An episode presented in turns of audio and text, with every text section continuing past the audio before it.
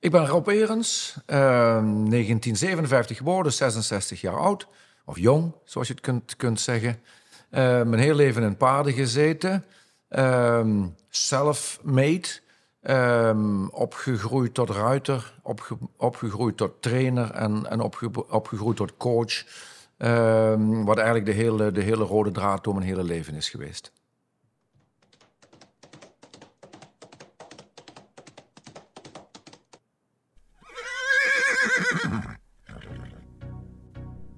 Podcast De Tweede Hoefslag. Ja, leuk dat je kijkt of luistert naar weer een nieuwe aflevering van onze podcastserie De Tweede Hoefslag. En vandaag zijn we in Weert bij Rob Erens. Um, als ik naar buiten kijk, is super mooi hier, maar het is een verschrikkelijke dag, hè? Ja, het is helaas al de laatste, laatste periode, al niks als regen. We willen natuurlijk graag wel wat regen hebben, en zeker in de zomer. Uh, vooral voor het gas en, en, en, en voor alle, alle groei. Um, maar nu hebben we zoveel dat ik er wel een beetje moe van word, moet ik eerlijk zeggen. Ook uh, gisteren was een, een redelijke dag. Uh, eergisteren was een redelijke dag, maar vandaag ook weer zoveel regen. Dus. Maar ja, het is zoals het is, moeten het nemen zoals het komt. Ja, ja, ja inderdaad. Hier helemaal in het zuiden van Nederland, uh, heuse verbouwplannen ben je hiermee bezig, hè? Ja, dat is allemaal een klein beetje in een, in in een stroomversnelling gekomen. We zijn natuurlijk uh, een jaar of zeven, acht geleden met het, met het plan gaan rondlopen om zelf een keer iets voor onszelf te realiseren. Um, daar zijn we eigenlijk toen aan gaan denken. Toen zijn we eerst gaan denken van, god, wat willen we? Uh, bestaand iets kopen. Uh, ja, dat was moeilijk. Dan te groot, dan te klein, dan te duur, dan niet goed genoeg, dan weer niet goed ge gelegen. Uh, en toen hebben we eigenlijk het stoute, stoute plan uh, uh, aanvaard om iets gaan te zoeken waar we zelf iets konden bouwen. Um, dat is best moeilijk als je dan op een gegeven moment voor dat punt staat. En wij um, zijn eigenlijk nauw in uh, onderhandeling geweest met Horst en de Maas. Uh, dus eigenlijk bij het Equestrian Center uh, de, de Peelbergen. Mm -hmm. En we waren toen bezig hier met Weert, omdat wij eigenlijk hier ook eigenlijk uit Weert komen. Niet geboortelijk, maar wel eigenlijk meer dan 22 jaar hier in, Weert gewoond, gewerkt. Robert is hier geboren, Robert is hier op school gezeten. Uh, en uiteindelijk zei mijn vrouw altijd wachten, wachten. Ja, ik zeg, we kunnen nog wel langer blijven wachten, maar als we dadelijk op een gegeven moment uh, in de Peelbergen niks krijgen en uh, Weert gaat ons langs de neus, ja, dan, dan, dan weet ik het ook niet meer. Wachten. Dus dat was eigenlijk toen hier al een klein beetje mee in de gang. Uh, de achterkant was te klein. Uh, de voorkant waar we dus nu zitten was toen eigenlijk nog niet beschikbaar. Maar uiteindelijk kwam dat, ja, viel dat puzzelstukje toch op de goede plek. Dus mijn vrouw had gelijk. Dus we hebben gewacht en we hebben hier eigenlijk uh, ja, op deze mooie plek aan de rand van Beert eigenlijk het kunnen realiseren wat wij, onze droom eigenlijk. Ja, mooi. Mooi, uh, inderdaad. Want inderdaad, al lang hier in uh, Weert. Eventjes gaan we een uh, stapje terug naar hoe jullie hier gekomen zijn. dus misschien een wat verdere stap terug. want we beginnen de podcast altijd met de vraag... weet je nog jouw eerste ontmoeting met een paard? Ja, dat weet ik nog wel. Dat was eigenlijk geen paard, dat was een pony. Mm -hmm. Dat um, kan ook natuurlijk. Ik zat, dan, ik zat eigenlijk net op, op, op de lagere school... En mijn, uh, mijn vader en mijn opa die hadden een drankengroothandel op de Slek in Echt. En mijn opa die schakelde een beetje in ponies. En die had toen op een gegeven moment een ponnetje in de wei lopen. En dat vond ik eigenlijk wel leuk. Uh, ik kon net lopen, denk ik. En uh, ja, daar was ik eigenlijk altijd een beetje mee bezig. Bobby heette de pony. En mijn opa haalde daar eigenlijk, nou niet elk jaar, maar er een paar keer een vullentje uitgehaald. En uh, onze Bobby was eigenlijk een beetje lui, die wou eigenlijk helemaal niet lopen. En ik wou toch wel graag een keer rijden. En dan had ik op een gegeven moment, dus in de, periode dat, Bobby het vullentje had, dan had ik ze dus netjes in de stal gezet. Dan lokte ik Bobby uit de stal en ik probeerde het vullentje erin te houden. En dan sleurde ik de pony mee naar de andere kant van de wei en dan sprong ik erop en dan reed ik terug. Dat is eigenlijk mijn eerste um, ja, kennismaking met, met, met paarden, ponies, paarden. Ja, want je zei het al in de intro, uh, dat is even geleden, 1967 uh, geboren. 57. 57, sorry. Ja, ja, ja. ja. Ik, heb het hier Was ook, maar. ik heb het hier ook geschreven, 57. Ik zeg 67. Ja. ja. Um, want hoe zag jouw jeugd eruit toen? Ik had eigenlijk een hele fijne jeugd. Hele gemoedelijke jeugd. Ik had een hele lieve moeder. Een vader die hard werkte. Uh, die in, eigenlijk... in paarden? Of? Nee, nee heel, we hadden helemaal niks met paarden. Ik had drie zussen die ouder zijn dan ik. Helemaal niks met paarden. Uh, wat ik net ook zei, mijn opa was eigenlijk de enige die eigenlijk een beetje, ja, vroeger met paard en wagen, uh, de limonade, uh, die ze toen ook zelf maakte. Ik heb de flesjes thuis nog staan van, van Erens limonade. Um, ja, die bracht dat vroeger met paard en wagen rond. Daar is een klein beetje de, de, de paarden van blijven hangen. Mijn vader heeft vroeger landelijk een beetje op MZ-niveau een beetje gereden. Maar nooit professioneel, heel klein. Um, dus maar wij komen toch wel wat. Toch, toch wel iets. Maar ja. niet dat je zegt van wij komen uit een paardenfamilie. Helemaal niet. Nee. En mijn vader was gewoon uh, een hobbyruiter. En uh, naast zijn werk uh, heeft hij dat een tijdje gedaan, maar ook niet zo heel lang. Was het werk ook te druk. En mijn moeder was helemaal bang voor dieren. Voor een paard, voor een hond, voor een kat, voor alles. Voor een goudvis nog, als hij uit de kom kwam. Uh, maar van de andere kant ben ik wel altijd in alles wat ik, wat ik deed, werd ik wel altijd gestimuleerd en geholpen. En uh, ja, dan is het een, een, een, weg proberen te zoeken in wat je eigenlijk vanuit je hart wil. Ja, dat was dieren. Ik was altijd met dieren bezig. Uh, voordat ik met de ponies begon, was ik al thuis bezig met, met, met boerderijtjes spelen en, en, en paarden en ponies en, en toestanden en tractoren en, en binnen in huis en buiten. Uh, dus het zat er wel, denk ik, toch wel al, al een klein beetje in. Ja, ja, en hoe is dat dan zo uit de hand kunnen lopen? Ja, dat, dat, dat groeit. Kijk, je gaat naar school en uh, ik had het geluk dat ik een, een plekje in, in, in de klas had. Helemaal aan de raam, achterin. Mm -hmm. En dan kon ik schuin over het voetbalveld wegkijken. En dan keek ik eigenlijk naar een, een soort van, van, van boerderijachtig gebouw. Waar altijd trailers in en uit reden. Dat vond ik heel interessant. Die plek heb ik niet lang gehad. Ik moest toen vooraan komen zitten. Had een reden. Ja, en toen ben ik eigenlijk uh, um, ja, ondeugend overalletje aangetrokken. Maar dat had ik natuurlijk wel al om buiten te spelen. En ik ben eigenlijk daar gewoon een keer naartoe gelopen. En dat was eigenlijk Sjaak Bongaerts, de familie Bongaerts, vee- en vleesgrossierderij. En die deed in, uh, in vees, uh, vlees grossieren. Hij deed veehandel. Um, hij had er ook ponyhandel bij, maar hij deed eigenlijk heel veel. En toen ben ik eigenlijk daar naartoe gelopen. Een keer gevraagd van, god, mag ik hier een beetje kijken en een beetje helpen? En van het een kwam het ander. Um, hard meewerken op de boerderij eigenlijk. In de winter helpen om, om, om uh, suikerbietenkoppen naar, naar, naar, naar de koeien te brengen. Dat, dat je de, de vingers helemaal krom aan het stuur van, van, van, van het trekkertje staat. En uh, wij deden dus alles al op hele jeugdige leeftijd. Dus trekkerrijden, dat, dat kun je nu niet meer doen als je een jaar of tien, elf bent, maar wij wel. Ja. En uh, ja, zo is eigenlijk het een en het ander. En toen hebben we een keer um, uh, wat, wat, wat, wat polletjes gehad daar. En er was nog een jongen, Gerard Knoben, die, uh, die was veel brutaler dan ik. Die kon volgens mij ook veel beter paardrijden dan ik. En die reed dan op die ponies en dan krop ik daar ook eens een keer op. En uiteindelijk um, zag um, Sjaak eigenlijk wel dat ik toch wel net iets meer kon dan Gerard. En uh, zodoende is dat een beetje gegroeid. Ben met ponnetjes, zadelmak maken, aanrijden, uh, verkopen. Wedstrijd gaan, weer verkopen. En uiteindelijk mij wel altijd geholpen en gezorgd dat ik dus, dus ponies had om mee te doen. Ik heb ook met Remy het Nederlands kampioenschap in Deurningen gewonnen. Um, reservekampioen met Jeroen, dat was een beetje en een C'tje. En in die tijd heeft mijn, mijn, mijn ouders hebben me altijd geholpen. En, Want dat zijn je tienerjaren geweest? Dat zijn mijn, dat, dat zijn mijn tienerjaren ja, geweest. Ja. En, en heel in het begin, voor ik eigenlijk bij, uh, bij Sjaak Bongas kwam... waar ik dus eigenlijk een beetje de betere ponies kreeg... ben ik bij de ponyclub Susteren met Smokey. Dat was een ponnetje wat mijn opa van mij gekocht had. En dat was een echte doerak. Die wou dus echt niks. Die wou niet van huis af, die wou niet springen, die wou helemaal niks. En daar ben ik eigenlijk mee in de gang gegaan. Daar ben ik drie jaar mee te voet van de Slek naar Susteren. Dat was toch wel een, een, een 30, 40 minuten te voet naar de ponyclub. Zondags allemaal op de grote vrachtauto naar concours. Viertal rijden, achttal rijden en proberen te springen. Oh ja. En dat is op het einde van het derde jaar toen één keer gelukt. De finish te halen. en uh, ja, dat is een hele mooie tijd geweest. En toen daarna die opstap bij, uh, bij Sjaak Bongas. En, en uh, ja, daar toch veel veel gewonnen met ponies en veel geleerd en veel gedaan. Maar heel veel door het doen.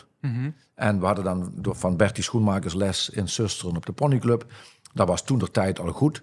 Dus eh, ja, dat was eigenlijk uh, dressuurles. Daar vonden wij niet zo heel veel aan. En dan was het dan een keer af en toe een keer kijken van... is dat half uurtje dan niet voorbij dat we over die hindernissen konden, konden gaan. Dat is eigenlijk mijn begincarrière geweest. Dus eigenlijk niks van huis uit gehad. Van een stal of, of, of, ouders die, die hoog op internationaal niveau gereden hadden... of, of, of heel veel know-how hadden. Um, eigenlijk alles zelf moeten gaan halen. En dat is leuk. Ja, dat hoeft dus ook niet. Zo'n achtergrond. Uh... Nee, dat is, een, dat is een, een, een, een, discussie die ik nog niet zo lang geleden met iemand gevoerd heb. Die zei van ja, het is een rijke luiswereldje en het is voor de gewone mens niet weggelegd. Ik denk als iemand een passie heeft voor iets en hij wil iets, dan kan dat nog steeds.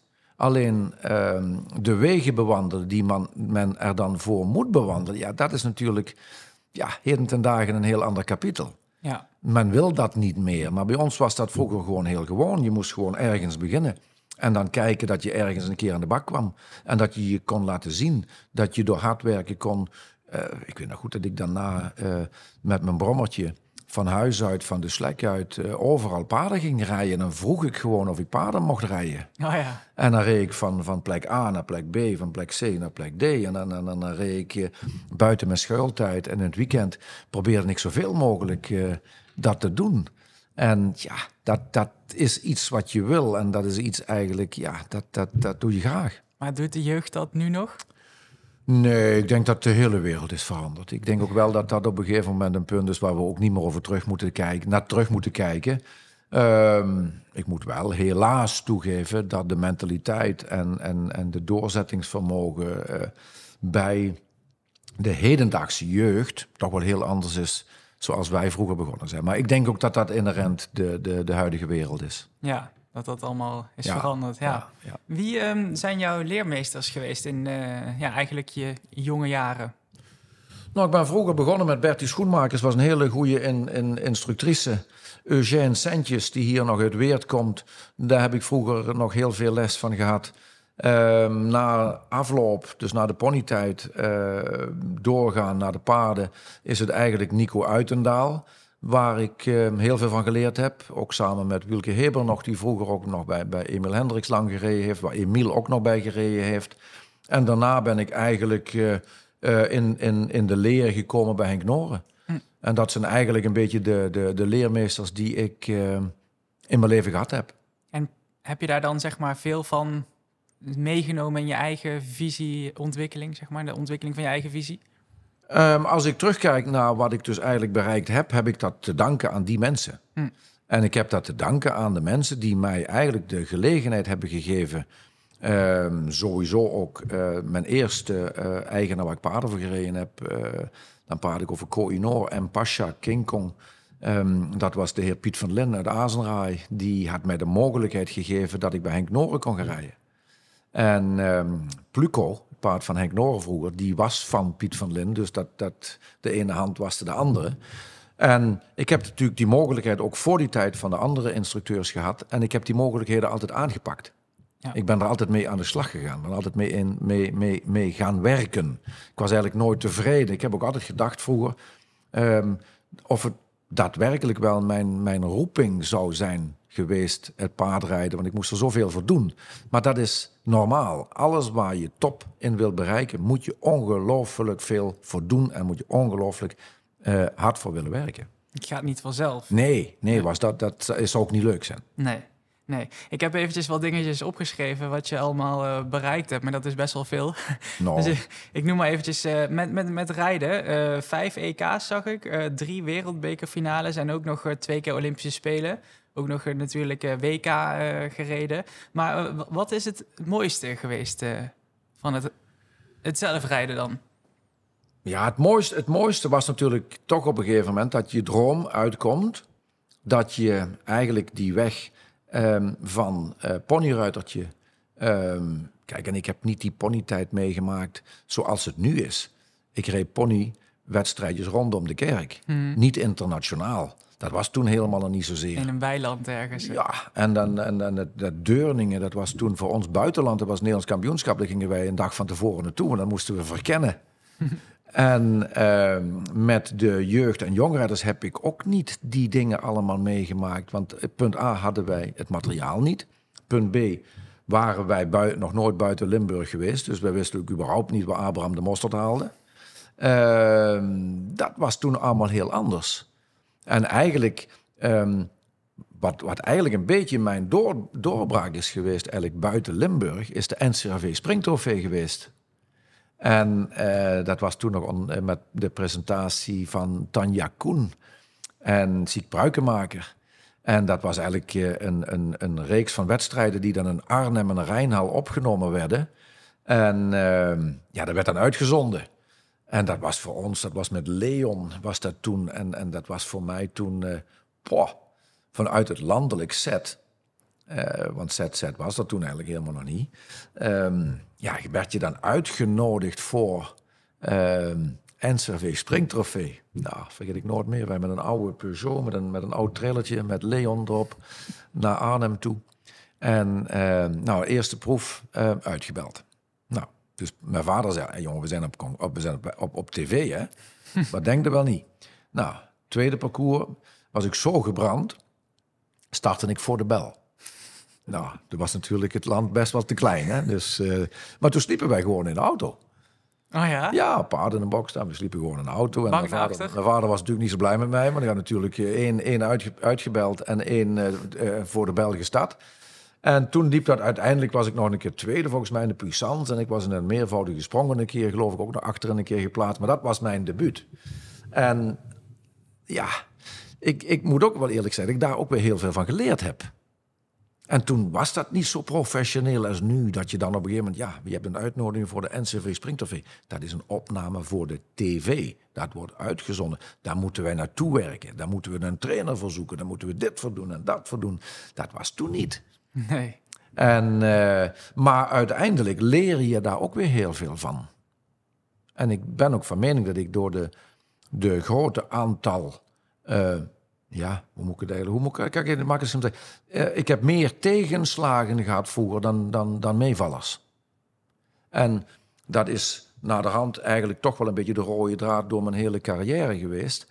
Had ik iets opgebouwd ehm, tot internationale topper, dan werd die verkocht. Hmm. En dat was eigenlijk in mijn ponytijd precies zo. Werd er een pony, eh, sprong die heel goed, ja, dan werd die verkocht. Logisch, daar moest men geld mee verdienen. En zo is dat eigenlijk de rode draad eh, eigenlijk steeds gebleven. Tot ik eigenlijk bij, eh, bij Piet van Lin kwam. Eh, die hield de paarden wel. En eh, dat is ook mijn, in 1980 mijn doorbraak geweest. Dat wij in 1979 een paard vonden, landelijk. Koh-i-Noor. Hele mooie merrie. En ehm, wij gingen daar naar kijken. Die was van de familie Houtvast eh, uit het zuiden. Schimmert. En ehm eh Gisle Houtvast. Die ken ik nog, die jongen, zie ik nog regelmatig. En ehm, ik had dat paard een keer zien lopen. En we hebben toen op een gegeven moment eh, met Piet van Lint toen op dat paard gaan bekijken. Ik verder ik nooit meer in Masniel bij Roermond op concours. En eh Gisle die vergiste zich in, in de barrage. En die ging eigenlijk een bocht voordoor, wat eigenlijk helemaal niet kon. Dus hij stond eigenlijk stil. En uit niks sprong hij toch nog zo over een okser heen. En toen hebben wij dat paard gekocht. En dat is eigenlijk mijn doorbraak geweest ehm, eh, in het internationale. Was 1979 mijn eerste ehm, wedstrijden landelijk gereden. 78, midden 78 jaar. En dan ehm, landelijk gereden, veel gewonnen. eh, nationaal gaan rijden, ook goed meegedaan. Eh, toen kwam ik in een periode dat ik bij Henk ging trainen. Eh, toen reden wij in Winschoten mijn eerste nationale concours. Ehm 1,40. waren drie rubrieken, die won ik alle drie. Eh, dat vond Henk toen niet leuk, want dat was een bocht die hij niet, eh, goed zo, voor, niet zo goed voor elkaar kreeg. Maar die was dat daarna thuis natuurlijk wel altijd aan het oefenen, want zo was Henk natuurlijk ook. En ehm, van die tijd uit is het natuurlijk op een gegeven moment in een stormversnelling gegaan. Ook vanwege het feit dat ik ook weer dan geluk had dat het heel zangersheide gebeuren wegviel. Mm. Dus Johan Heijns, Dick Wieke, Willy van Ham, eh, Jan Broek, die vielen toen eigenlijk allemaal bij, bij Melchior weg. Dus toen viel een gat in de Nederlandse sport en toen waren er eigenlijk niet zo heel veel. En toen kreeg ik een, ehm, een uitnodiging, een kans, eh, van Ben Arts toen, de, de, de chef de keep. Mijn in, eerste internationale grote concours was Hickstead. Oh, wow. Ja, en eh, ja, daar, daar, daar reed je dan naartoe. En uh, ik heb me zo'n beetje aan Anton Ebbe vastgeklampt. Want die was natuurlijk al een oude rot in het vak. En die zat bij ons toen daar ook in het team. En uh, ja, dan, dan, dan kom je daar aan, verkeerde kant van de weg rijden. En, en, want, want Toon had geen rijbewijs, dus ik moest de auto rijden. En ja, een immens terrein waar je nog nooit geweest was. En noem maar op allemaal. Maar ik had dan, ja, ik, was, ik had echt geluk dat ik echt een heel goed paard had. Mm -hmm. En uh, dat was mijn internationale debuut. Want nog heel even, zullen misschien mensen denken, waarom waren die andere mensen weggevallen? Ja, ik weet ook niet precies wat dat was toen met zangerzijde. Of daar uh, die ruiters toen, of hij er met hun stopte of whatever. Maar dat was toen dat groepje wat allemaal van boven uit het land kwam. Maar die vielen toen weg op een of andere manier. Mm. Maar wat daar precies gebeurde, ja, dat wist ik ook niet. Nee, oké, okay, maar die kwamen in ieder geval toen even niet meer in het team. Nee, ja. nee, nee, nee, nee, nee, nee. Ja, en want hè, dat ik net zei, hè, EK's, WK's, Olympische Spelen. En je noemt eigenlijk de NRC, of uh, en, wat was het? NCRV. NCRV-trofee. Uh, vervolgens inderdaad uh, Hickstead. Dat, dat dat je dan eigenlijk nog het meest bijblijft. Ah, er zijn bepaalde dingen die blijven natuurlijk altijd bijstaan. En um, bepaalde overwinningen ook. En ik moet eerlijk zeggen, ik heb, het, ik heb echt het, het, het genot gehad in mijn leven dat ik hele fijne mensen altijd om me heen heb gehad. En dat ik op een gegeven moment toch altijd omringd ben geweest met goede paarden. Mm -hmm. En uh, daar, daar bereik je um, um, goede resultaten mee. Um, het enigste waar ik dus op een gegeven moment, als ik dus terugkijk naar de, een beetje de negatieve kant van mijn actieve carrière, is dat ik wellicht uh, wat meer medailles hou. Dus had moeten kunnen winnen. Maar op welk welke manier dat mis is gegaan, weet ik ook niet. Ik trek dat gewoon naar mijzelf toe. Misschien ook niet goed genoeg. Um, op het juiste moment misschien ook niet het juiste paard gehad. Uh, maar ik heb wel het geluk mogen hebben... Uh, om aan alles een keer mee te mogen doen. Ja. Uh, ik heb zelf eigenlijk toen in 1980 de alternatieve Olympische Spelen in Rotterdam mee mogen maken. Dat was toen de boycott met Rotter, met Rotter, van Moskou. Mm -hmm. Ja, dat was een geweldig debuut. Dat was, uh, ik moest in het begin van het eerste parcours starten en er stond een driesprong in, had Mellema toen gebouwd. Um, stijlsprong, trippelbaar, twee gelossprongen kort. Dat weet ja, je nog? Ja, ja, ja. maar dan, uh, daar, ik weet nog goed dat ik midden in die trippelbar lag. En dat waren meerdere in het begin, dus dat was eigenlijk mijn debuut op, op, op een alternatieve Olympiade. Um, tweede Olympische Spelen uh, met Oscar Drum. Toen was Oscar Drum niet fit to compete. Dus was ik de enigste Nederlandse ruiter, springruiter die daar was. Ja, was ook pech. Je bent eigenlijk wel uh, geselecteerd, je wordt afgevaardigd en je kunt daar niet uh, aan de stad verschijnen. En mijn derde Olympische Spelen was Seoul. Mm -hmm. En dat was, dat, was, dat was goed. We waren vijfde met het team en veertiende individueel. Um, dat was mooi om mee te maken. En alle andere kampioenschappen, 1981 uh, Europese kampioenschappen München. Met Johan Heijns, um, Henk Noren, Emil Hendricks en, en de gek zelf. Hadden we een bronzen medaille. Dus dat was mooi, was ook met Kooienoor. Ja, en verder eigenlijk uh, met meerdere paarden toch mooie grote prijzen weten te winnen. Goed meegedaan, leuk meegedaan en, en, en blij mee, ja. Ja, Um, we zijn al eventjes aan het, uh, aan het uh, ouwe hoeren, zo, zo zeggen ze hier in uh, Limburg ja. volgens mij. Maar ik moet er nog even een stelling in gooien, want hè, het heet niet voor niks de tweede hoefslag. Um, bondscoach of zelfrijden? Nou, ik ben natuurlijk punt A begonnen als zelfrijder. Maar um, ik was altijd erg geïnteresseerd in hoe mijn instructeurs mij lesgegeven hebben. En ik was altijd toch wel heel getriggerd in het kijken naar andere ruiters. Hoe doen zij het? Uh, wat doen zij anders? Wat kan beter? Dus ik ben eigenlijk toen eigenlijk toch al um, vrij vroeg, vanuit 1980 af, ook al een klein beetje daarvoor, toch al uh, ook een beetje die instructiekant inge ingerold. En, um, Echt vanuit eigen interesse? Eigen interesse. Um, dat is eigenlijk de rode draad geweest in mijn hele leven. Heb ik eigenlijk heel graag actief gereden. Vond ik geweldig.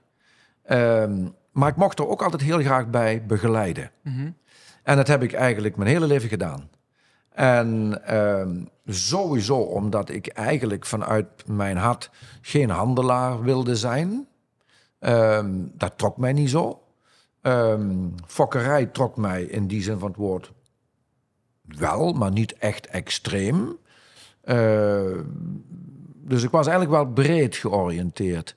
Maar eigenlijk, uiteindelijk was de grootste opbouw van mijn, van mijn, eigenlijk, van mijn hele leven... is eigenlijk rijden, lesgeven geweest. Ja. ja. En, en dat, is eigenlijk de, dat zijn de twee hoefslagen die ik eigenlijk eh, mijn hele leven eigenlijk bewandeld heb. Mhm. De tijd dat ik eh, bij de IJzeren Man werkte.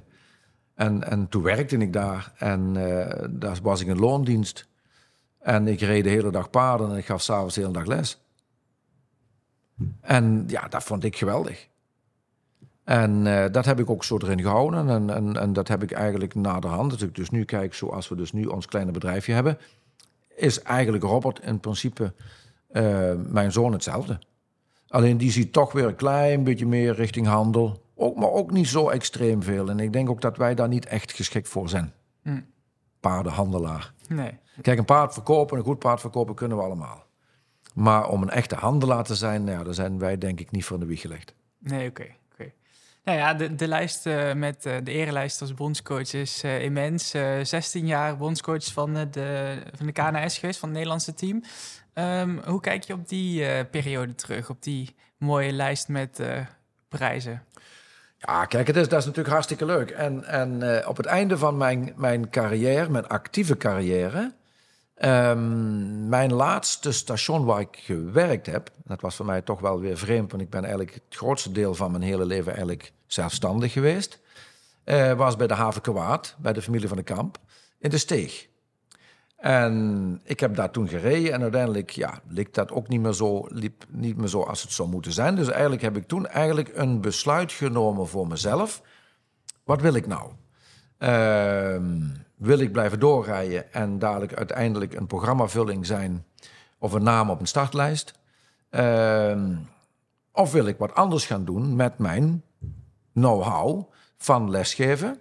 Ehm, nou, die, die keuze heb ik eigenlijk na, na vier jaar een hele mooie tijd te hebben gehad in de steeg. Ehm, heb ik toen toch de keuze gemaakt van jongens, luister, ik wil toch ja, een punt zetten achter mijn actieve carrière als ruiter. Ehm, ik mocht het toen nog heel graag doen, mede ook dat mijn eh, heup een beetje meespeelde. Eh, wat het mij ook steeds moeilijker maakte om op een gegeven moment ehm, dus makkelijker te kunnen paardrijden. En ehm, ja, toch, toch trok ik een klein beetje meer richting het meer begeleiden.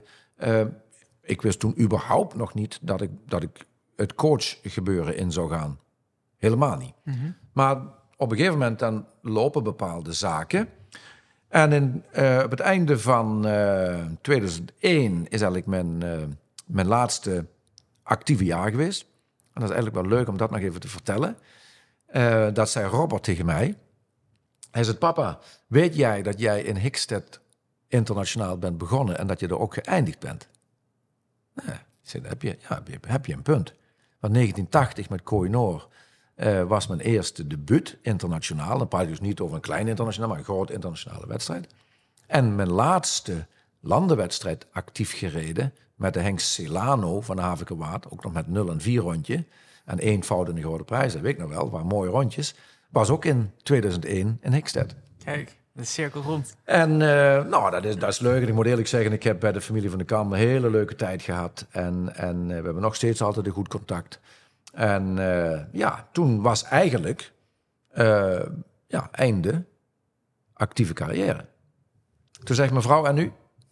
Ja, ik zeg nu, dan moeten we gaan lesgeven. Dan zei je wachten. Ja, ja wacht.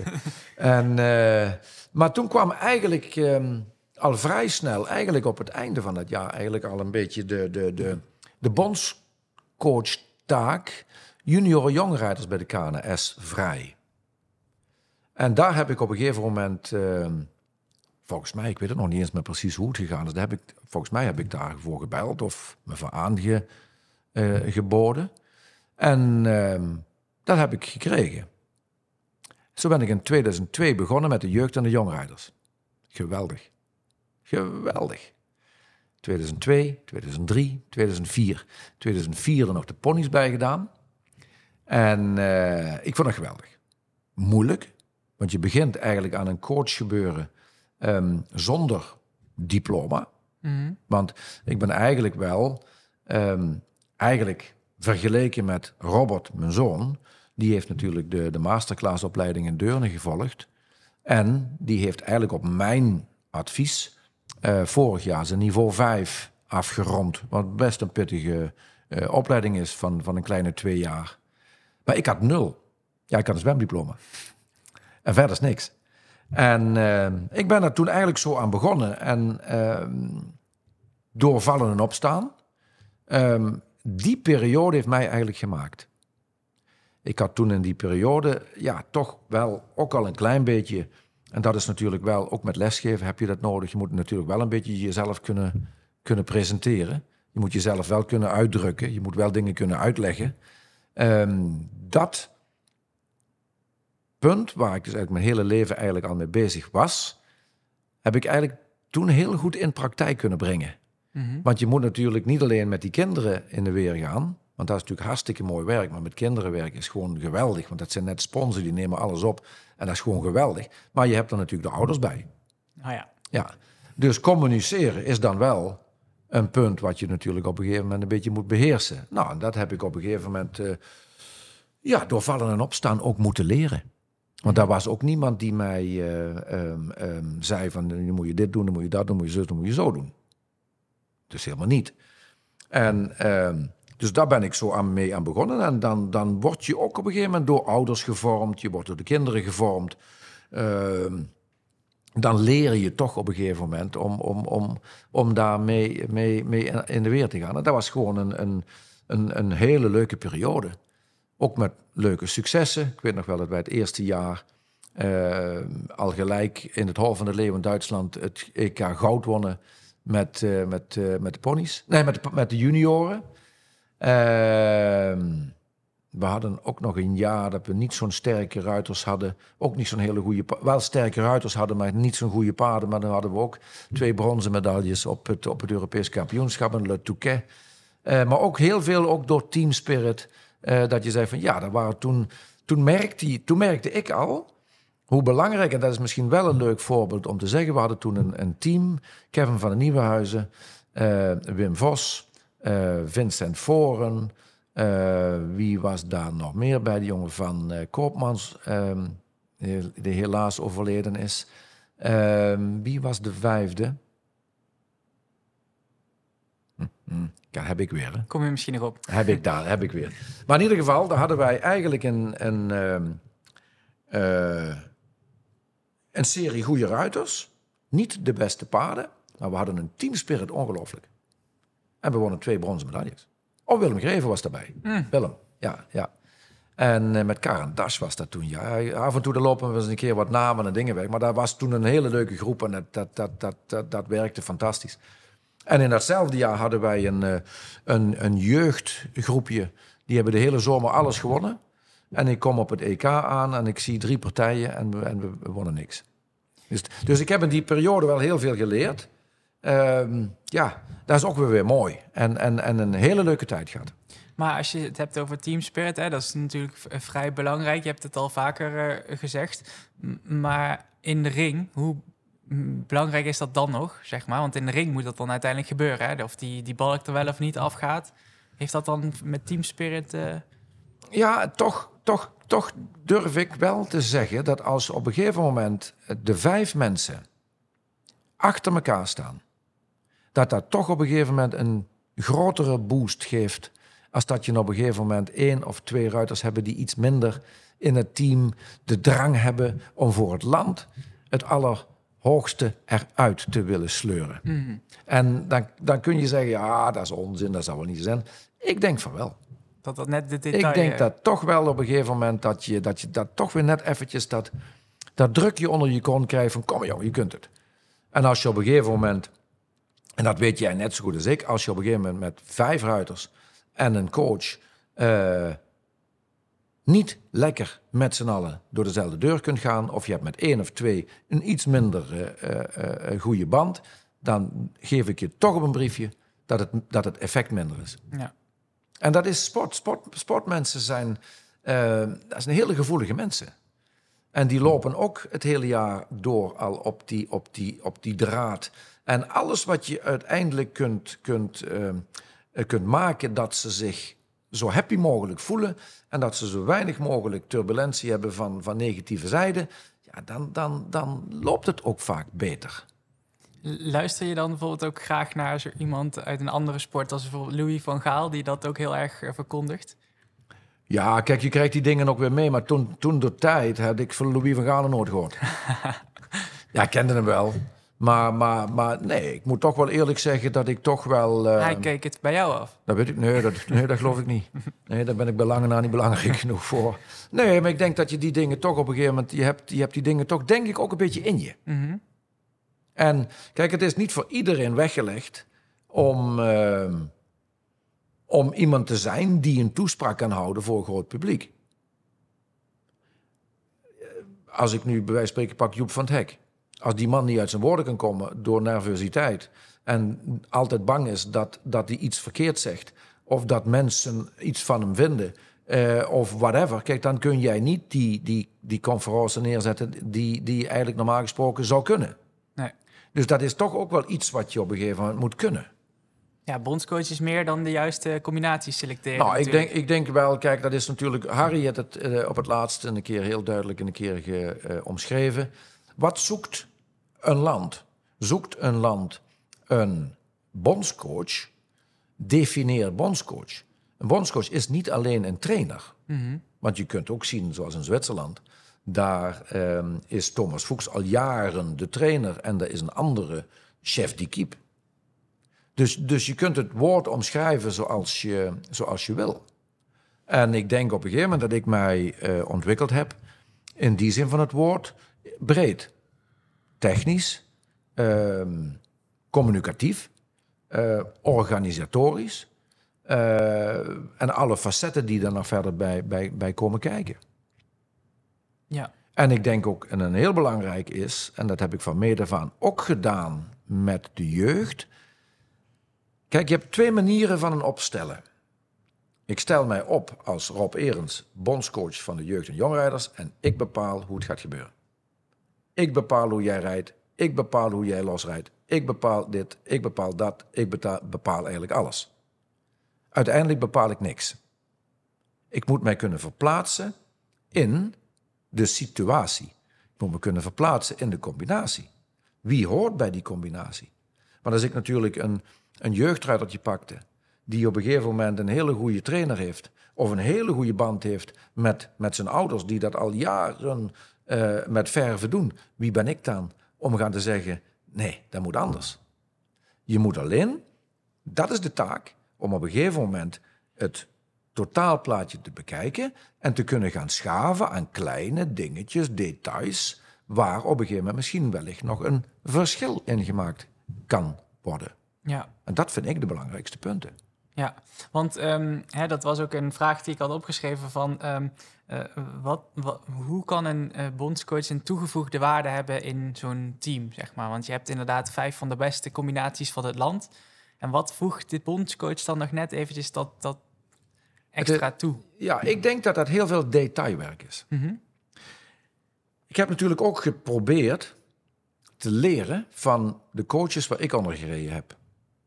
En ik heb ook een keer onder een coach ge- ge- gereden die op een gegeven moment mij op een internationaal concours, een landenwedstrijd, een CSO, eigenlijk mijn paard heel anders deed doen rijden op het inspringtrein als ik met dat paard gewend was.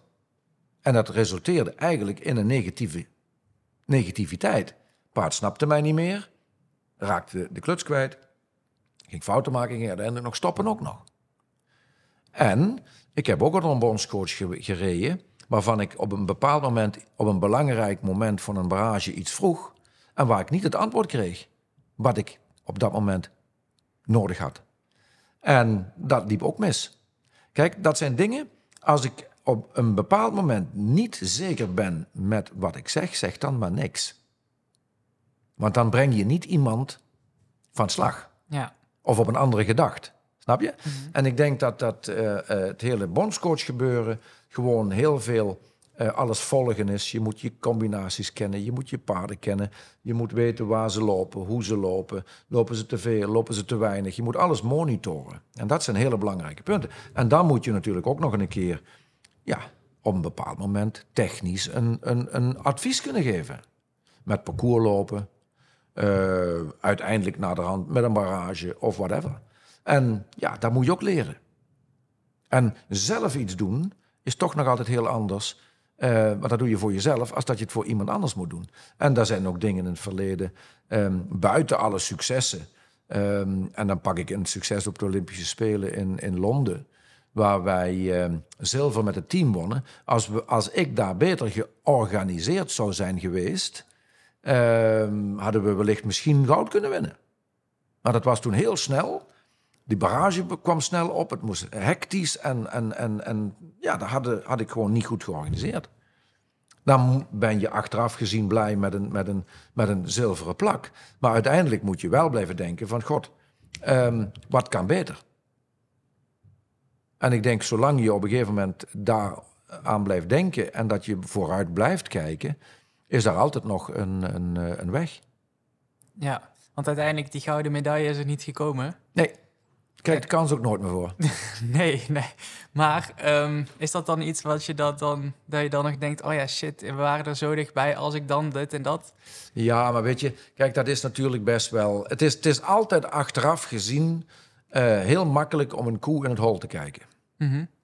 En je kunt altijd zeggen van, god, ja, als ik dat daar had gedaan, dan had ik hem gewonnen. Nee, ja. maar omdat je er zelf net over begon. Ja, maar goed, hè, je, dat- je ja, moet ook zelf kritisch zijn. Zeker, ja. En eh, ik heb daar met Erik van der Vleuten ook over gesproken toen.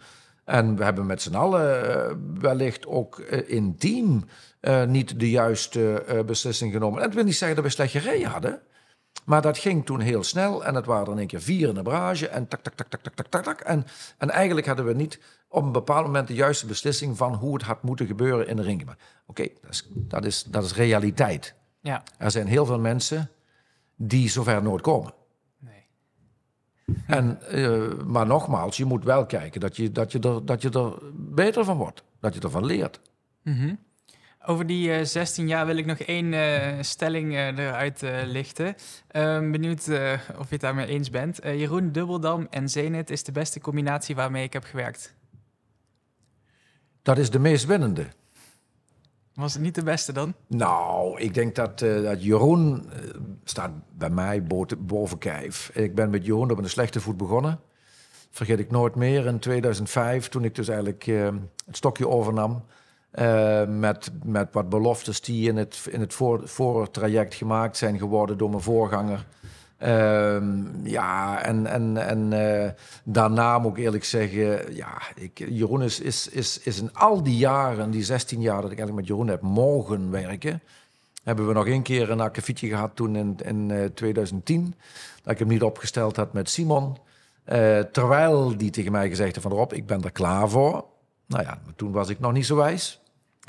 En eh na de hand is eigenlijk eh, Jeroen is in mijn eh, optiek ehm, eh, niet alleen een, een, een goede ruiter, ehm, eh, niet alleen een geweldig mens, maar is ook nog een keer een hele goede vriend van mij geworden in die jaren.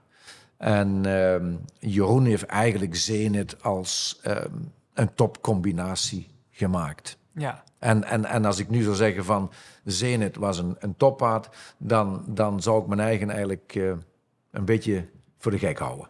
En Zenit is gewoon een paard met heel veel kwaliteiten en die heeft de juiste match gevonden. ja, want heel veel mensen hebben ook gezegd van dat kon eigenlijk niemand anders dan alleen Jeroen. Ja, Jeroen heeft zich daarin in vastgebeten, die heeft erin geloofd, die heeft de kwaliteiten van dat paard eruit weten te halen. Kwam dat helemaal tot zijn recht in die ruiterwissel eh, op het WK? Ik heb op die ruiterwissel heb ik eigenlijk met, met, met verbazing zitten kijken. En, en ik was in Kaan gevraagd door Jeroen of ik in de baan wou staan. Ik voelde mij zeer vereerd, want ik voelde mij op dat moment niet de persoon om bij Jeroen zijn moment om op een wereldkampioenschap wereldkampioen te gaan worden, of althans daar de, de, de, de, de strijd mee aan te gaan, dat ik mij daarbij moest mengen. En ik was ik ook zeer verheugd dat hij mij daarvoor vroeg. En ik was ook zeer verheugd dat eh, hij Gerko Schreuder daarvoor hebben. Hij wou Geit erbij hebben. En de avond van tevoren, toen Ehm, ah, toen zaten we nog gezellig even nog wat te drinken. Jeroen was naar bed. En eh, toen zei ik tegen Gerco, ik zeg Gerco, ik zeg maar, Jeroen wil wel graag hebben dat jij er morgen bij bent. Ja, maar ik ga morgen vroeg met, eh, met de jongens mee naar huis zitten. Kijk op de televisie wel. Ah, ik zeg, doe mij één plezier. Ik zeg, kom, blijf hier. Dan doe ik het, zei hij. En die, die kop van Jeroen s'morgens, toen die, toen die Gerco zag. En, en wij hebben de groem van uh, Jeroen, Gerco en ik. Ik denk niet dat wij in die hele periode dat het duurde, twintig zinnen met elkaar gesproken hebben. We hebben erin gekeken. En uh, elkaar ondersteund.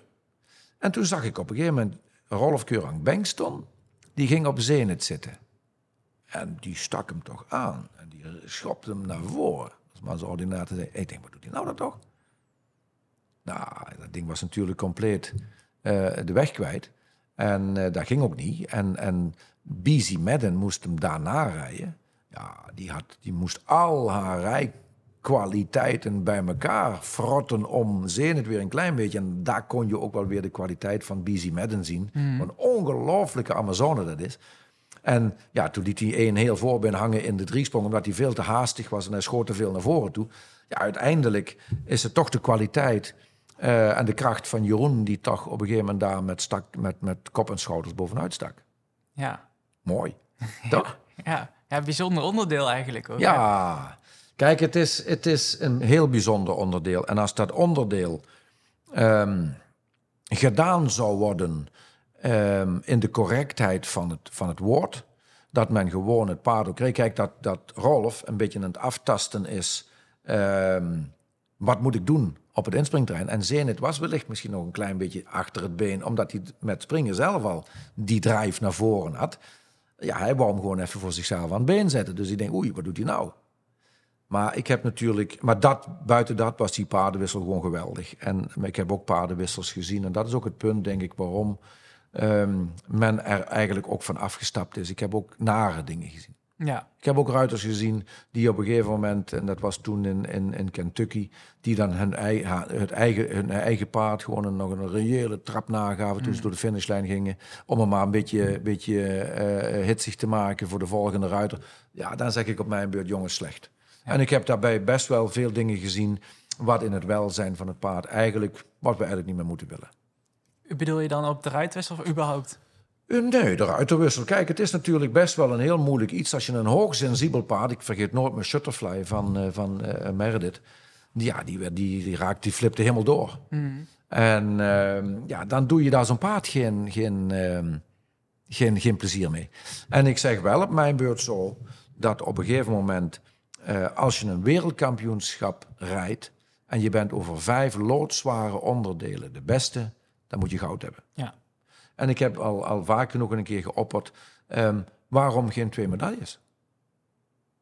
Bedoel je voor de ruiter en voor het paard? Of? Nee, nee voor, voor het individuele en voor, uh, voor uh, het team. Voor, voor, de, voor, de, voor, de, voor de laatste vier. Er zijn toch ook twee medailles bij de dressuur? Hm. Voor de kuur en, en, en, en, en de Grand Prix. Mhm. Mm -hmm. Waarom dan niet twee bespringen? Had toch makkelijk kunt. Ja. Nou ja, dat is in ieder geval uh, nooit ervan gekomen. Uh, maar ja, het, daar, daar, kun je, daar kun je een. Kijk, het, het, spanningselement, als het goed verliep, zoals een kaan, daar gebeurde niks verkeerd. Ja, dan is het hartstikke mooi. Ja. Ja, ja. ja, je noemde het net al eventjes. Je hebt natuurlijk veel gezien uh, in uh, al die jaren. Um, um, maak je daarin ook zorgen over de toekomst van de paardensport? Ja, dat maak ik mij wel. En ik zeg nogmaals, um, dat is al, al, al, al tig jaar geleden heb ik een keer aan een hele grote naam uit onze paardenwereld um, gevraagd. God, hoe zie jij dat? Zeg, ik denk dat er gewoon in de toekomst kijkende veel te veel wedstrijden gaan komen. Veel te veel uh, wedstrijden, ook met, met, met, met heel veel prijzengeld. Wat ik überhaupt niet uh, als negatief wil omschrijven. Want ik ben van mening dat uh, een ruiter ook geld moet kunnen verdienen. En dat is ook inherent de huidige wereld. Maar ik, toen was dat mijn vraag en ik kreeg eigenlijk een antwoord waar ik eigenlijk niks mee kon. En waar ik eigenlijk een beetje teleurgesteld door was. Die zei, och, dat lost zich vanzelf op. Dat er te veel wedstrijden zouden zijn. Ja, ik zeg, dat klopt. Ik zeg, maar dan is er eentje de pineut. En dat is paard. Mhm. Want die kan niet zeggen van, ja, ik ga niet mee dit weekend. En daarom zeg ik, het is heel goed dat er meer geld verdiend kan worden. Want dat is, dat is alleen maar goed. Want het kost natuurlijk ook heel veel geld. Maar zolang wij de boog overspannen, dan is het paard op een gegeven moment toch te dupe. Want die wordt toch vaker ingezet. Ehm, en daar moeten we voor waken. Want heeft het zich op, vanzelf opgelost? Dat heeft zich vanzelf opgelost, denk ik wel. Ik denk als je dus nu om je heen kijkt, en dat is niet, niet alleen een Nederlands probleem hoor. Het is een wereldprobleem dat de meeste ruiters echt de paarden moeilijk meer kunnen vinden. En dat is inherent de periode van opbouw, ehm, gebrek aan goede toppaarden om de topevenementen mee te verrijden, wordt al verlegd. Begin van het achtste levensjaar worden ze nu al vaak ingezet. De paarden worden eigenlijk, denk ik, misschien toch net iets te eh, vroeg ingezet. Als ik op een gegeven moment eh, naar ons eigen land kijk, eh, ben ik daar zeer verheugd over. Dat wij ook nu nog kunnen zien dat de Nederlandse ruiters op dat gebied niet alleen aan, niet alleen aan die euro denken. En dat kunnen, kunnen we geruststellen, omdat onze ruiters heel lang de, de, de goede paarden eigenlijk op het hoogste niveau houden. Maar hoeveel zien we niet om ons heen? Paarden die, het- die, die het begeven. En als ik dus nu eigenlijk in, in die 16 jaar eh, naar onze, onze Nederlandse ruiters kijk in het management, dan zeg ik chapeau. Heel goed. En die blijven ook heel lang eh, met die paarden door. Maar ook daar is natuurlijk, omdat overal wordt alles al aangekocht. Er worden de embryo's worden al, al voor vermogens verkocht. De veulens worden verkocht. De- We, hebben, we stikken van de veilings. Alle veilingen, overal. Online veilingen, eh, live veilingen. Maar alles wordt verkocht. En als je dus op een gegeven moment kijkt naar al het goede materiaal wat verkocht wordt op alle veilingen, wat wordt door Nederland aangekocht? Relatief weinig. Omdat wij niet een landje zijn waar wij de sponsoren ehm, in de rij hebben staan die zeggen, och, schaf maar aan voor een paar miljoen. Nee. En wij moeten ze toch weer uiteindelijk zelf maken. En het geluk weten te vinden dat we paarden weer kunnen, kunnen vinden. En dat we weer eigenlijk weer moeten gaan kijken ehm, naar en, en eh, de ruiters die op een gegeven moment weer leren paarden opleiden. Maar wie doet dat nog? Wie kan dat nog? Is dat steeds minder? Steeds minder. Ja. Want wat is je grootste zorg daarin, in de toekomst? Nou, ik denk dat, dat, dat op een gegeven moment als wij niet ehm, de juiste mensen blijven opleiden, de juiste talentvolle ruiters proberen te enthousiasmeren, stimuleren, ehm, om dat weer gaan te doen, dan, dan missen wij straks een opbouw van een paard. En dan gaan wij heel veel paarden missen. Want wat gaat snel? Diegene, dat toptalent, die alles heeft, die alles aangeeft, ja, daar rij jij en ik ook op weg. Maar om op een gegeven moment een paard te maken, kijk maar naar het paard van eh, eh, eh, Steve Cada, waar hij het Europees kampioenschap mee won. Dat is een paard die die al heel lang heeft. En in het begin helemaal niet gemakkelijk paard was. Moeilijk, wisselend in, in zijn techniek, wisselend in zijn lichaamsgebruik. Maar hij heeft hem, punt A, in geloofd. Heeft hem opgeleid, heeft hem opgebouwd, de kansen gegeven. Klaar. Kijk naar Londen van Gerco vroeger. Die heeft heel lang ander, achter de andere paarden aangelopen. In mijn carrière, Olympic Sunrise, heeft twee jaar achter Oscar Drum aangelopen. Klein grote prijsje, terug naar de 140. Weer een keer een kleine grote prijs, een keer een grotere grote prijs, weer terug. En na verloop van anderhalf jaar is zo'n paard klaar. Maar heden ten dagen zien we al dat een paard gekocht wordt voor een astronomisch bedrag. Moet ook weer terugverdiend worden. En dan moet hij ook zo snel mogelijk, moet hij dadelijk ook weer internationaal aan Dus dat is wel een moeilijk vak hoor, een moeilijk vlak. En ik heb ook die oplossing niet. Ik denk alleen, puur kijkende in de 16 jaar dat ik het eigenlijk heb mogen doen in Nederland. En eh, waar ik dus nu ook met Japan mee bezig ben. ehm, er zijn zo ongelooflijk veel lucratieve grote wedstrijden dat het bijna niet te doen is. En uit die hele grote groep lucratieve vijf sterren wedstrijden vanuit de reeksen, ehm, de, de Rolex landenwedstrijden, eh, de Longines landenwedstrijdenreeks, ehm, nog een heleboel andere reeksen erbij, de EEF-series. En als ik dan kijk wat ik dan met Japan als land aan grote wedstrijden kan krijgen, heb ik er één. Welke? Eh, dingen hebben we gekregen, Falsterbo. Oh, En dan moet ik maar kijken of ik ergens misschien nog eens een keer een kleiner landenwedstrijdje op een kop kan tikken. Want je staat gewoon onderaan de rij.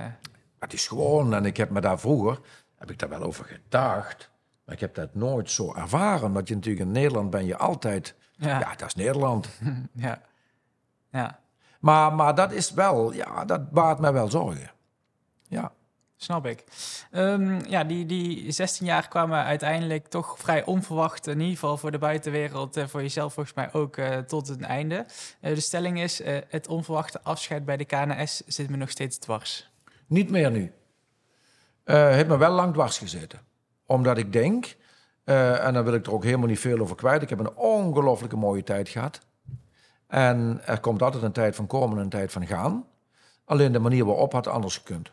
Ja, En kijk, als je op een gegeven moment een nieuwe eh, mensen aan het bewind komen. en die zeggen op een gegeven moment in overleg met de ruiters: God, de houdbaarheidsdatum is bereikt. ehm, is daar niks mis mee. Maar om dat nu twee maanden voor eh, het einde van het jaar te zeggen, vond ik een klein beetje kort door de bocht. En dat denk ik ook wel dat de KNS dat ook wel zich achteraf gerealiseerd heeft. Als zij gewoon tegen mij hadden gezegd van luister, eh, het volgend jaar eh, houdt het op. Ja, dan had iedereen het ook een beetje geweten. Maar verder, nee, och, ik, ben er, ik ben er klaar mee. Ik, eh, eh, eh, het, het heeft weer heel veel andere deuren geopend. En ik moet eerlijk zeggen, ik heb een ongelooflijke mooie tijd gehad. En ik blijf toch in mijn hart eh, juichen voor, eh, voor Nederland. ja. Dat, dat zal altijd zo blijven. Nou, dan, dan heb ik meteen een mooie stelling erachteraan. Eh goud voor Nederland op de Olympische Spelen in Parijs is nog steeds een realistisch doel. Ja, Want denk dat ik. was eigenlijk je Ja, grote denk, doel, denk- hè? denk ik wel. Denk ik wel. Ik denk op een gegeven moment dat de, ehm, in de wandelwegen zegt men, ja, we hebben niks. We hebben nog nooit niet veel gehad. We hebben nog nooit geen, geen groep van 15 gehad waar we uit konden kiezen. Eh, uiteindelijk heb je er drie nodig. En ik denk, als ik zo nu om me heen kijk, als eh, het goed gemanaged wordt, dat eh, de toppers die we dus nu hebben niet te veel doen, niet te weinig doen, dat ze de kans krijgen om ook naar de Olympische Spelen in Parijs toe te werken, dan denk ik dat wij nog steeds een, een, een hele grote kans hebben om een medaille te winnen. Het is op zich best een breed... breed eh, Ja, alleen de, de echte top is, is, is, is dun. En niet die nummer één die... Nee, eh, die is ja. dun. Die is dun. Maar als we dus nu kijken, ook een Harry, een Michael, eh, dat zijn op een gegeven moment Willem, heeft, heeft er eventueel twee als Gandelade weer terugkomt. Ehm, ja, dat zijn gewoon mensen die, die, die eh, als je die drie weer op de rit hebt, ja, dan ben je klaar. Ja, En ik denk best dat dat. nee, en, ik, en, en luister, jullie kennen mij allemaal. Ik ben nog nooit geen, geen pessimist geweest. Hè? En ik zie dat nu nog en dat hoop ik. Als ik, als wie ik staat er het beste op als je de balans moet opmaken op dit moment? Eh, Ah, is ook moeilijk. Je, je- we hebben jaren gehad dat je landen had die, die, die, die er... Zo pak nu eens België. België heeft booming jaren gehad. Ja. Zijn op het moment ook niet meer zo. Mhm. Zoals het normaal gesproken was. En dat wil niet zeggen dat ze die goede ruiters niet meer hebben. Maar ze hebben net die juiste combinaties allemaal niet meer. het is niet zoals bij dressuur dat je wel kan zeggen, ja, die... eh, En dat is ook weer het mooie van onze springsport. Het, nu kijkende naar Parijs, zijn er heel veel landen die de drie medailles kunnen gaan verdelen. Ja. Waaronder Nederland. Op, Ja. een heel, op een heel hoog niveau. en mensen vragen zich eraan af, en Japan? Nou, dat weet ik niet. Kijk, punt A hebben we ons geplaatst voor, eh, voor de Olympische Spelen. Ehm, Dus jullie zijn er sowieso bij. wij zijn erbij. En wij hebben goede ruiters. Mhm. Alleen, wij hebben op dit moment nog niet een, een, een groepje van combinaties waarvan je kunt zeggen, die rijden nu dubbel nul in elke eh vijf sterren landenwedstrijd of in elke vijf sterren Grand Prix. We hebben wel goede ruiters, hebben fijne paarden. We moeten, wij moeten heel hard werken om te kijken dat wij het teampje zo voor elkaar krijgen, eh, zoals ik het nu eigenlijk in mijn gedacht heb. En dan denk ik dat wij geen flater slaan. Het is niet zo dat wij naar Parijs gaan eh, met een team waarvan eh, eh, iedereen zegt, Japanners ook. Dat denk ik niet. Hm. En dat hebben we op Asian Games dit jaar ook al laten zien. Weliswaar op een heel ander niveau, maar wel, we hebben ruiters die op een gegeven moment echt goed kunnen paardrijden. En, en, en dat is ook heel fijn om mee te werken. En het punt is wat wij dus nu, als Japan verder wil, dan moeten ze nu gaan kijken richting Los Angeles.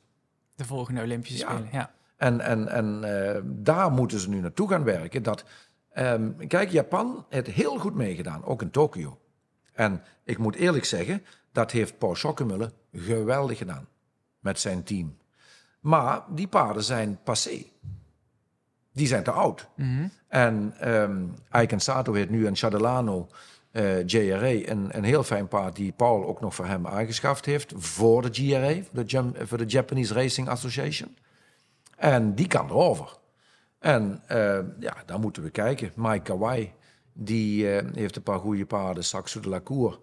Ehm, dan heb ik nog Takashi Haze, die zit in, in, in Holstein. Die heeft twee hele fijne paarden. Eén waarvan die nog niet zo lang heeft, Caramel. Die kan er ook over, dat moet alleen groeien. Dan hebben we best nog eh, hele goede ruiters. Taizo Sukitani, die al heel lang in Europa is, heeft een goed paard. Heeft geen wereldpaard, heeft een goed paard. Ehm, ja, dan hebben we nog eh, Yuko Itakura, die, een, die een paard eigenlijk ehm, dacht niet te hebben. En eigenlijk de kans van mij gekregen heeft. En eigenlijk dit jaar mee geweest is naar de Asian Games. Met goede, ver, goede verven gereden. Labol aan de wedstrijd meegereden. Dat is ook eigenlijk boven zichzelf uitgestegen.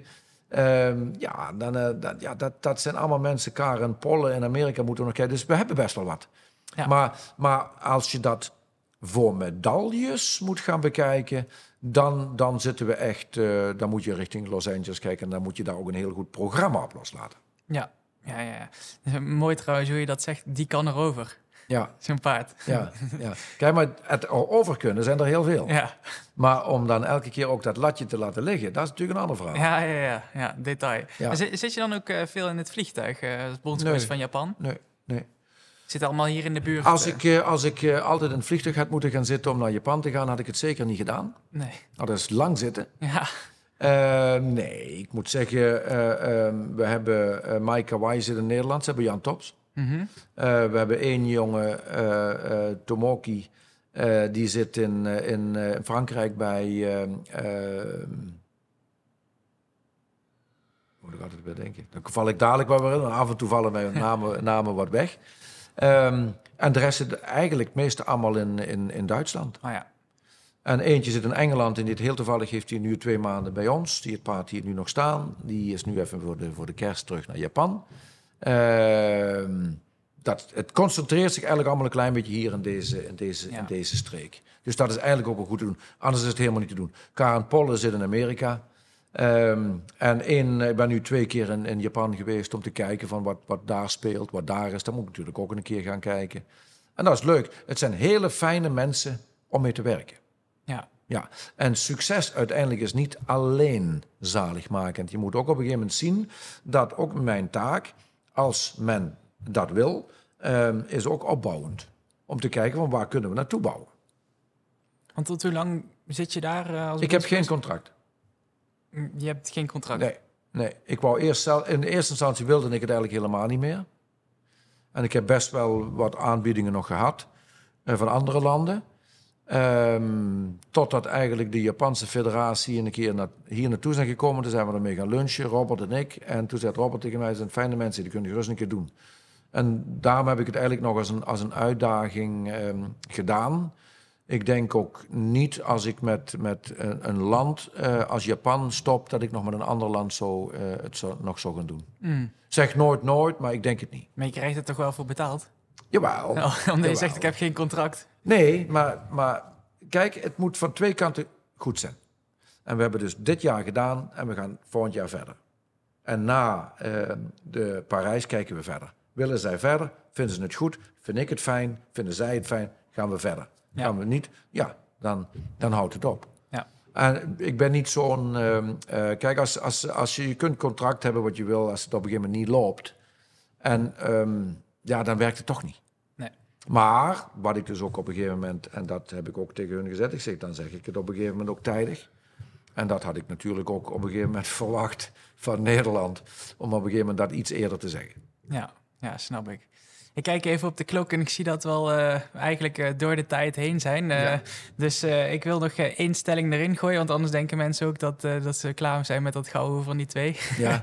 Maar de laatste stelling is, ik ga nooit met pensioen. Dat denk ik niet. Ik denk dat ik wel eeuwig blijf werken. Ja? En ehm, volgens mijn vrouw ben ik volgend jaar, ben 77, ergens pensioengerechtigd. Maar ehm, nee, wij hebben nog veel te veel dromen. Ik ben nog, nog fit, ik ben nog jong. Wij hebben nog heel veel ideeën. Ehm, Robert en ik, samen met Evi en Filia en Haley... en volgend jaar komt er nog een kleintje bij... eh, zijn hier hard aan dit bedrijf aan timmeren. Dat loopt lekker. Eh, we hebben werk genoeg. Ehm, wij hebben de plannen nog om, eh, om eh, nu nog wat gaan te bouwen op het bedrijf hier. Een bedrijfswoning voor ons. Ehm, dat zit in verder vergevorderd stadium. Eh, iets te snel gegaan, eh, want het huis in België is al verkocht. Dus we moeten eerst maar even hier in een appartement komen zitten. Maar dat zijn alleen maar luxe dingen. Maar als ik voor me uitkijk eh, naar mijn oudere periode, zal ik altijd hier een beetje bezig blijven. Ik zal altijd toch een beetje blijven begeleiden. Ik zal toch altijd op een gegeven moment hier lekker aan het frotten zijn. Dat is eigenlijk mijn zaligheid. En bezig blijven vind ik, denk ik, ook een heel belangrijk, belangrijk punt. Als je ook naar Nelson Pessoa kijkt. En, en eh, door, eh, ja, dat, dat, dat, dat, dat, je, kijk, stilstaan is achteruit gaan. En daar ben ik ook de mens niet voor. Ja. En als ik dingen doe die ik graag doe, dan is het, dit is ook geen moeite om hier te zijn. Mooi. Ronden we hem daarbij af. Ja, Dank je voor je tijd. graag gedaan.